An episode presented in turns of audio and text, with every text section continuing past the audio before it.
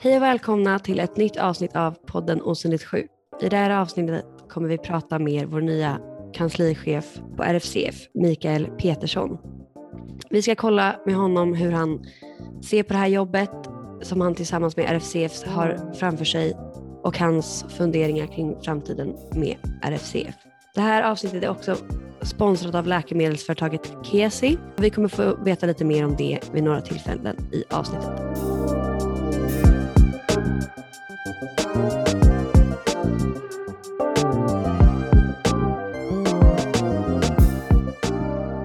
Hej Mikael och välkommen till podden Osynligt sjuk.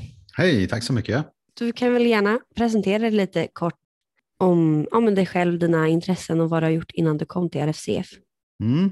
Mika Petersson heter jag alltså och eh, de senare åren har jag jobbat inom idrottsrörelsen som eh, ja, i chefspositioner och om man är högsta chef inom eh, idrottsrörelsen så heter det generalsekreterare.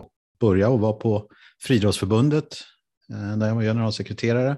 Sen var jag på ishockeyförbundet och senast var jag på Svenska bordtennisförbundet.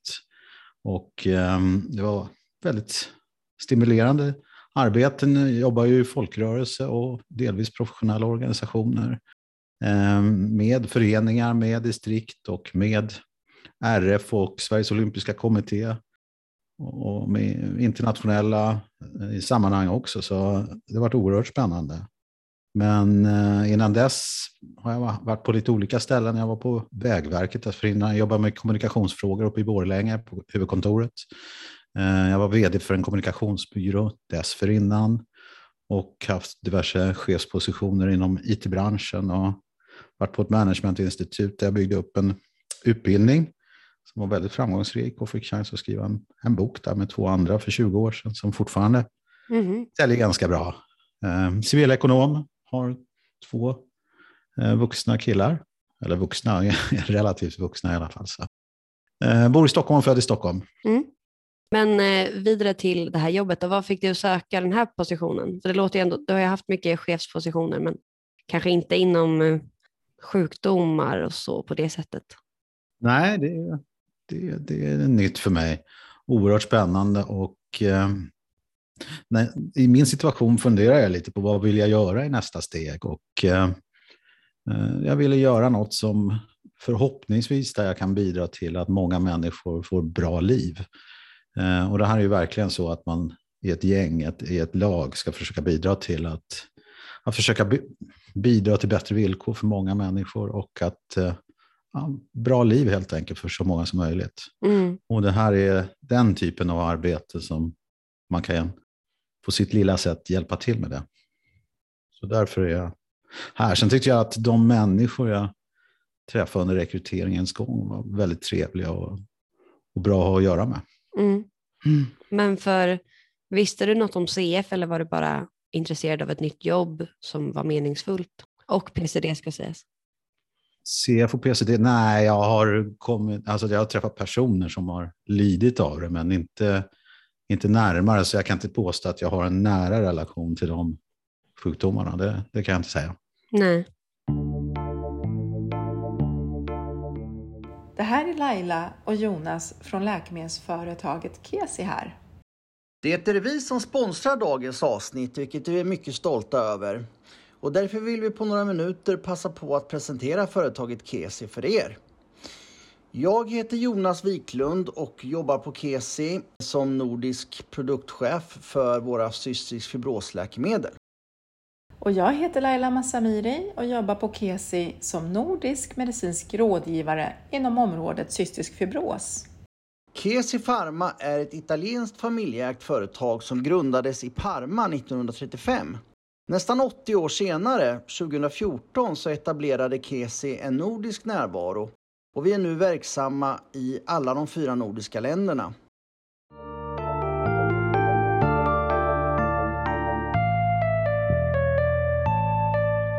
Men vad innebär det att vara kanslichef på förbundet?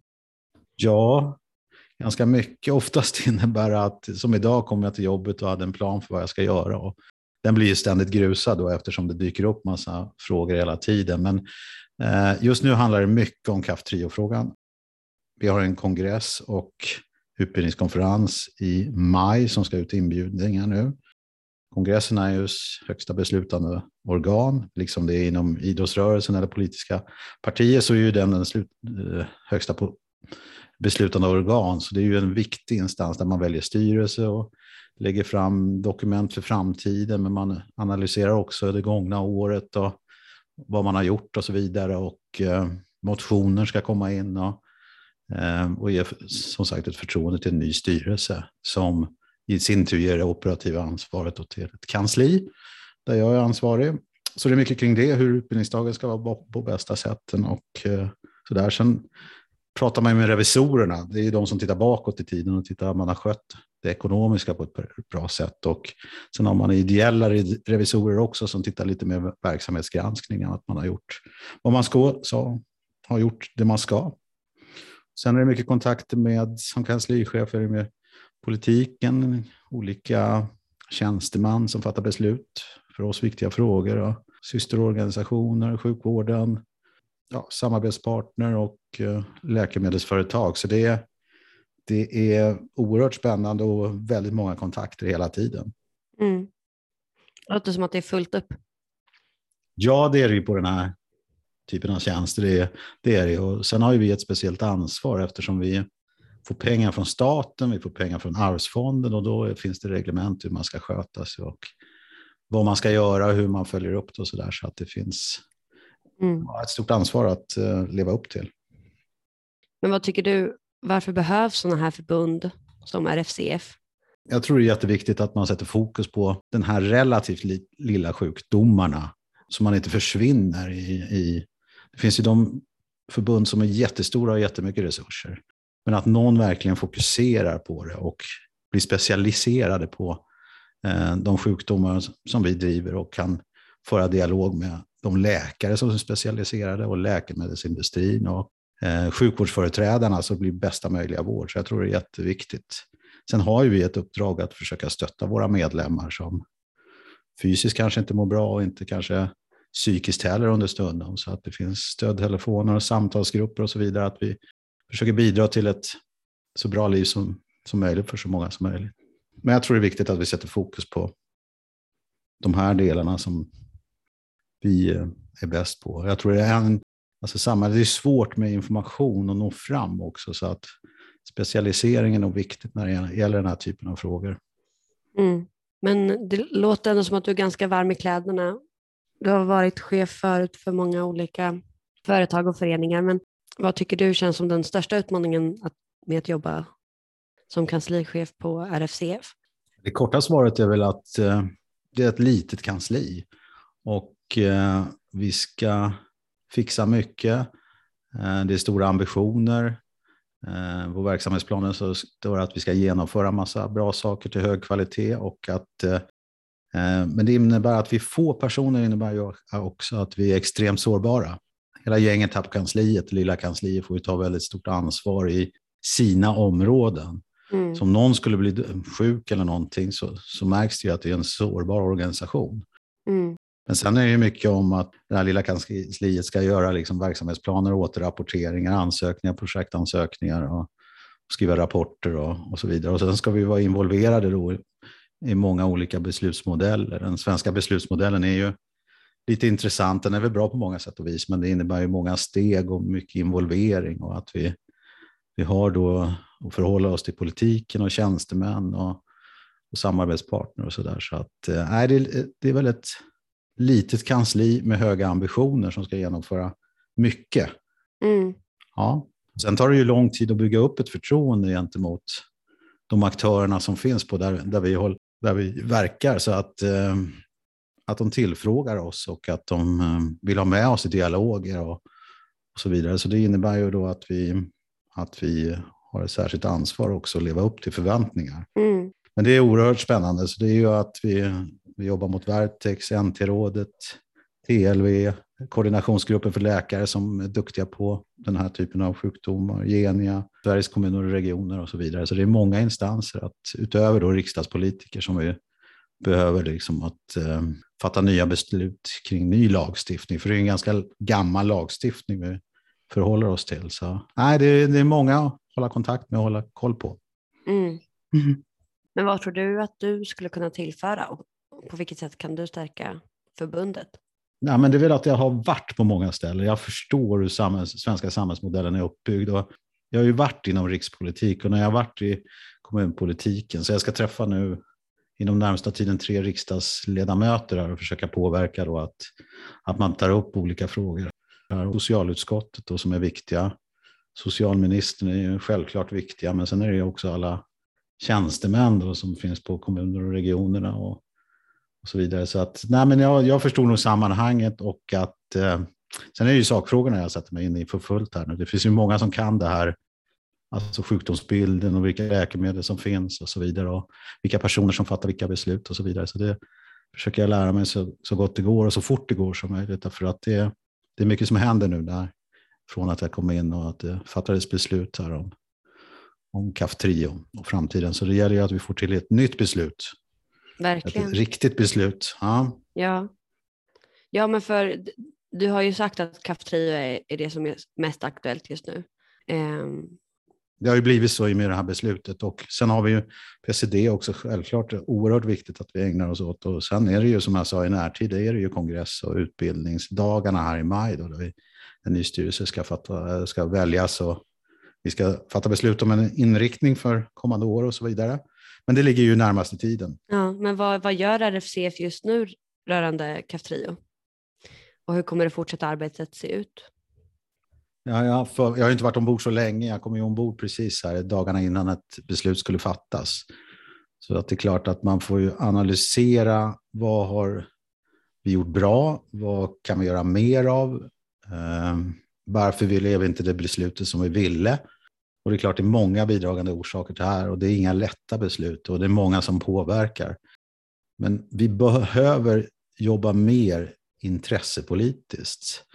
Så att det är väl en slutsats som både styrelsen och jag drar, att, att vi bör tillsätta mer medel under närmaste period att påverka beslutsfattare. Och det kan både vara i, i riksdag och det kan vara inom tjänstemännen och så vidare som har att hantera operativt också. Men att eh, det är någonting vi funderar på just nu då, att eh, hur kan vi jobba bättre intressepolitiskt? Så det är väl Mm, men en sak som att vi bör steppa upp lite på Mm. den sidan vad finns det för exempel på saker som är intressepolitiskt som skulle kunna tillföra någonting till Kaftrio-frågan? Ja, det handlar ju om eh, hur vi jobbar med riksdagspolitikerna. Har vi jobbat tillräckligt mycket med dem? Och det räcker ju inte att ett enskilt parti skriver en motion i riksdagen, utan det krävs ju en, eh, en majoritet i riksdagen för att det ska ske någon förändring. Och regeringen, ansvarig minister, att det händer något därifrån. Och där kan man ju ta initiativ till att det blir en ny lagstiftning. Men det är ju riksdagen som behöver en majoritet att fatta beslut. Och även i utskotten handlar det om majoriteter. Så det är ju många att påverka inom politiken. Men sen är det ju om att NT-rådet och eh, Sveriges kommuner och landsting, de som finns där, att påverka dem att uppdatera de handböcker de har att följa och vilka beslutsdirektiv de har att följa. För det kan man ju tycka att det är lite ålderdomligt ibland och det blir bara en ekonomisk fråga inom väldigt snäva, snäva gränser. Så att eh, ehm, ibland kan man ju tycka att var tog etiken och moralen vägen? Eh, och inte bara att det blir en, en ekonomisk fråga. Så visst har vi, ja, det är många att träffa och många, sen är det väl en relativt okänd sjukdom som vi får som pedagoger, sen är vi journalister och eh, eh, så att det skrivs om, om, eh, om det mer och mer. KESI är verksamt inom flera olika terapeutiska områden såsom luftvägssjukdomar med läkemedel för astma och KOL-patienter, neonatologi, cystisk fibros förstås, transplantation samt inom vissa läkemedel för sällsynta och ultrasällsynta sjukdomar. Kesi Pharma har globalt cirka 6 000 anställda runt om i världen med cirka 800 som arbetar dedikerat med forskning och utveckling av nya läkemedel. Under de senaste två åren har vårt engagemang inom området cystisk fibros ökat och därför var det en självklarhet att vara med och bidra till CF-gemenskapen och denna podcast som har en viktig funktion i att uppmärksamma hur det är att leva med en sån sjukdom. Och vill ni veta mer om oss, gå in på kesifarma.se och Kesi stavas med CH. Och ha en fortsatt trevlig lyssning.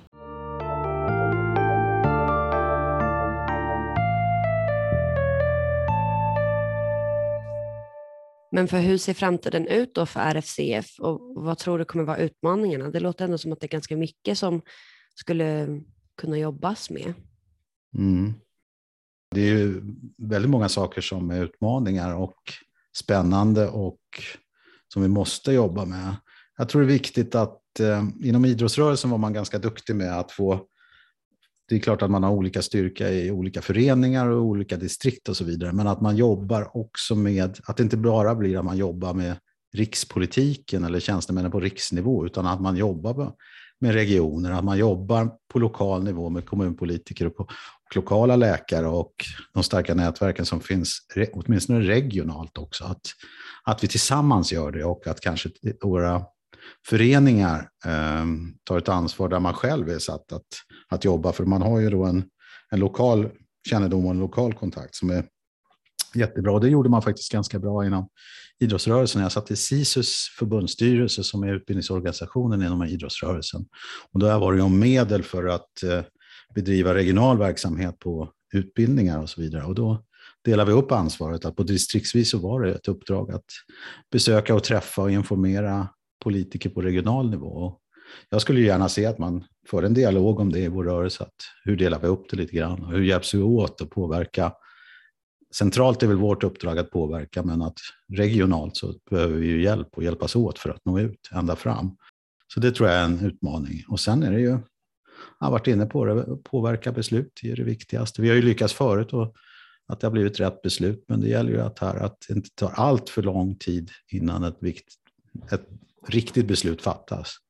Men just nu är det ju faktiskt läkemedelsföretaget Vertex som själva bestämmer om man ska gå in med en ny ansökan. Om vi stannar kvar vid Kaftrio så, så är det ju faktiskt de själva som bestämmer om.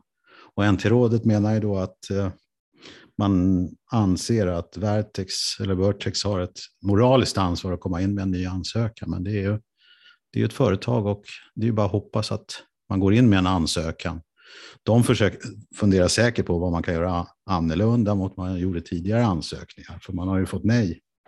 Då är frågan hur ska man skriva det för att få ett ja? Mm. Men Orkambi godkändes ju 2018, så visst finns det chans att eh, om alla goda krafter hjälps åt så är det klart att det finns chans att det blir ett annorlunda beslut så fort som möjligt. Men du nämnde ju det att det finns fler små föreningar inom RFCF eh, som är ute i landet. Det är 13 stycken just nu. Eh, och varför har man dem då? Vad är syftet med det? Du pratade ju lite om att man kunde prata mer regionalt med politiker och så då, men vad är deras uppgift? Alla typer av den här organisationer som är ideellt uppbyggda, idrottsrörelsen, politiska partier, eh, ABF eller vuxenskola, där har man ju ett föreningsliv och Anledningen att man får ett statligt stöd i grund och botten är ju att man har en riksomfattande verksamhet, det vill säga att man i vårt långa avlånga land, att man har verksamhet i hela landet. Så det gäller ju för att RFCF att vi har en, en bra verksamhet i hela landet. Sen behöver det inte vara precis överallt, men att vi finns i Norrland, att vi finns representerade i Skåne och så vidare och att det finns en verksamhet. Och det är ju liksom själva fundamentet för att få ett statligt stöd. Så mm. det är ju jätteviktigt att bara, att bara finnas där och att eh, det är en spridd föreningsverksamhet och en spridd medlemsorganisation också. Så att eh, det är inte bara centralt eller bara några regioner, utan det är viktigt att vi finns på många platser och att vi är starka i, inte minst bland våra storstäder. Mm. Och det är ju inte bara Stockholm och Göteborg som är utan det är ju fler städer. Och så. så det är ju en ambition att vi, att vi ska bli än starkare i hela Sverige. En sak som är lite speciell med Kesi det är att vi är ett så kallat Benefit Corporation, eller B Corp som man brukar säga. Det här är en certifiering som innebär att vi arbetar mot hållbarhet för miljö, samhälle, patienter och anställda. Och ett av de här målen är att bli klimatneutralt globalt 2035. Kesi Pharma är det största läkemedelskoncernen i världen som har tilldelats en sån här B Corp-certifikation. Och B Corp är alltså en ny affärsmodell som balanserar syfte och vinst för att skapa en positiv påverkan för samhällen, anställda och miljön. Vi är juridiskt skyldiga att överväga inverkan av våra beslut på medarbetarna, kunderna, leverantörerna, samhället och miljön. Detta är en global rörelse av människor som använder affärer som en kraft för det goda. Vi är alla ansvariga för framtida generationer. Så Kesi vill arbeta för världen genom att vara en del av lösningen, inte problemet.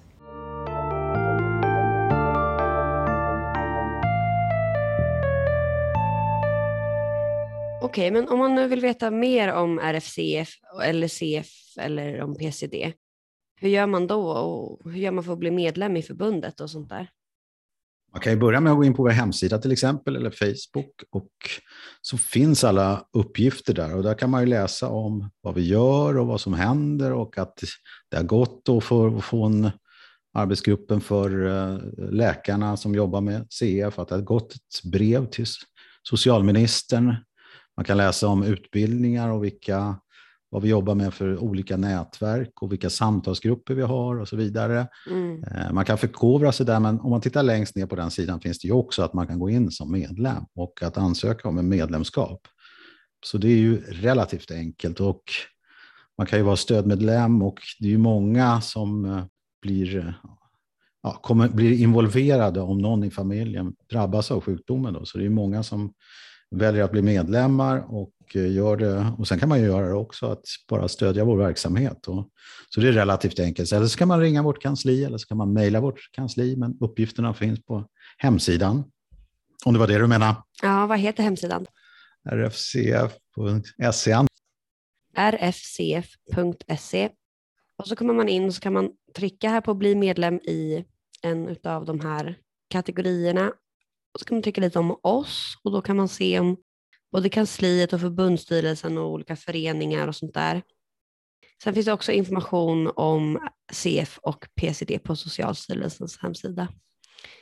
Där man kan läsa lite och på 1177 om man vill ha mer eh, info om typ det känslomässiga och det psykiska kanske man kan lyssna mer på podden eller kolla i vår Facebookgrupp. Ja, men det var de frågorna jag hade till dig, Mikael. Är det någonting du tänker på? Nej, jag tycker det är en, en fantastiskt viktig uppgift vi har, eh, många av oss i, i, organisationen, och att vi hjälps åt. Vi försöker springa åt samma håll och mm. påverka på, där vi kan, eh, centralt, regionalt eller lokalt. Och jag hoppas att många kommer på vår kongress och vår utbildningsdag så vi kan byta eh, åsikter och eh, enas om eh, vart vi ska, vilken riktning vi ska och vilken styrelse som ska vägleda oss och så där. Så det är viktigt och sen kommer vi att ta steg här för att påverka då att eh, vi, vi kallar det intressepolitiska påverkansarbete. Så vi kommer att ta steg framöver här inom ganska snar framtid. Vi har bildat oss en uppfattning och kan prioritera bland de små resurser vi har, men det är viktigt nu att kunna påverka besluten i rätt riktning framöver. Så. Mm. Ja, det låter bra. Mm. Tack så jättemycket Mikael eh, att du ville vara med i podden och tack Kesi för att ni sponsrar det här avsnittet. Jag önskar dig stort lycka till som kanslichef. Mm, tack så mycket. Och jag som har intervjuat heter Moa och tack för att ni har lyssnat. Hej då!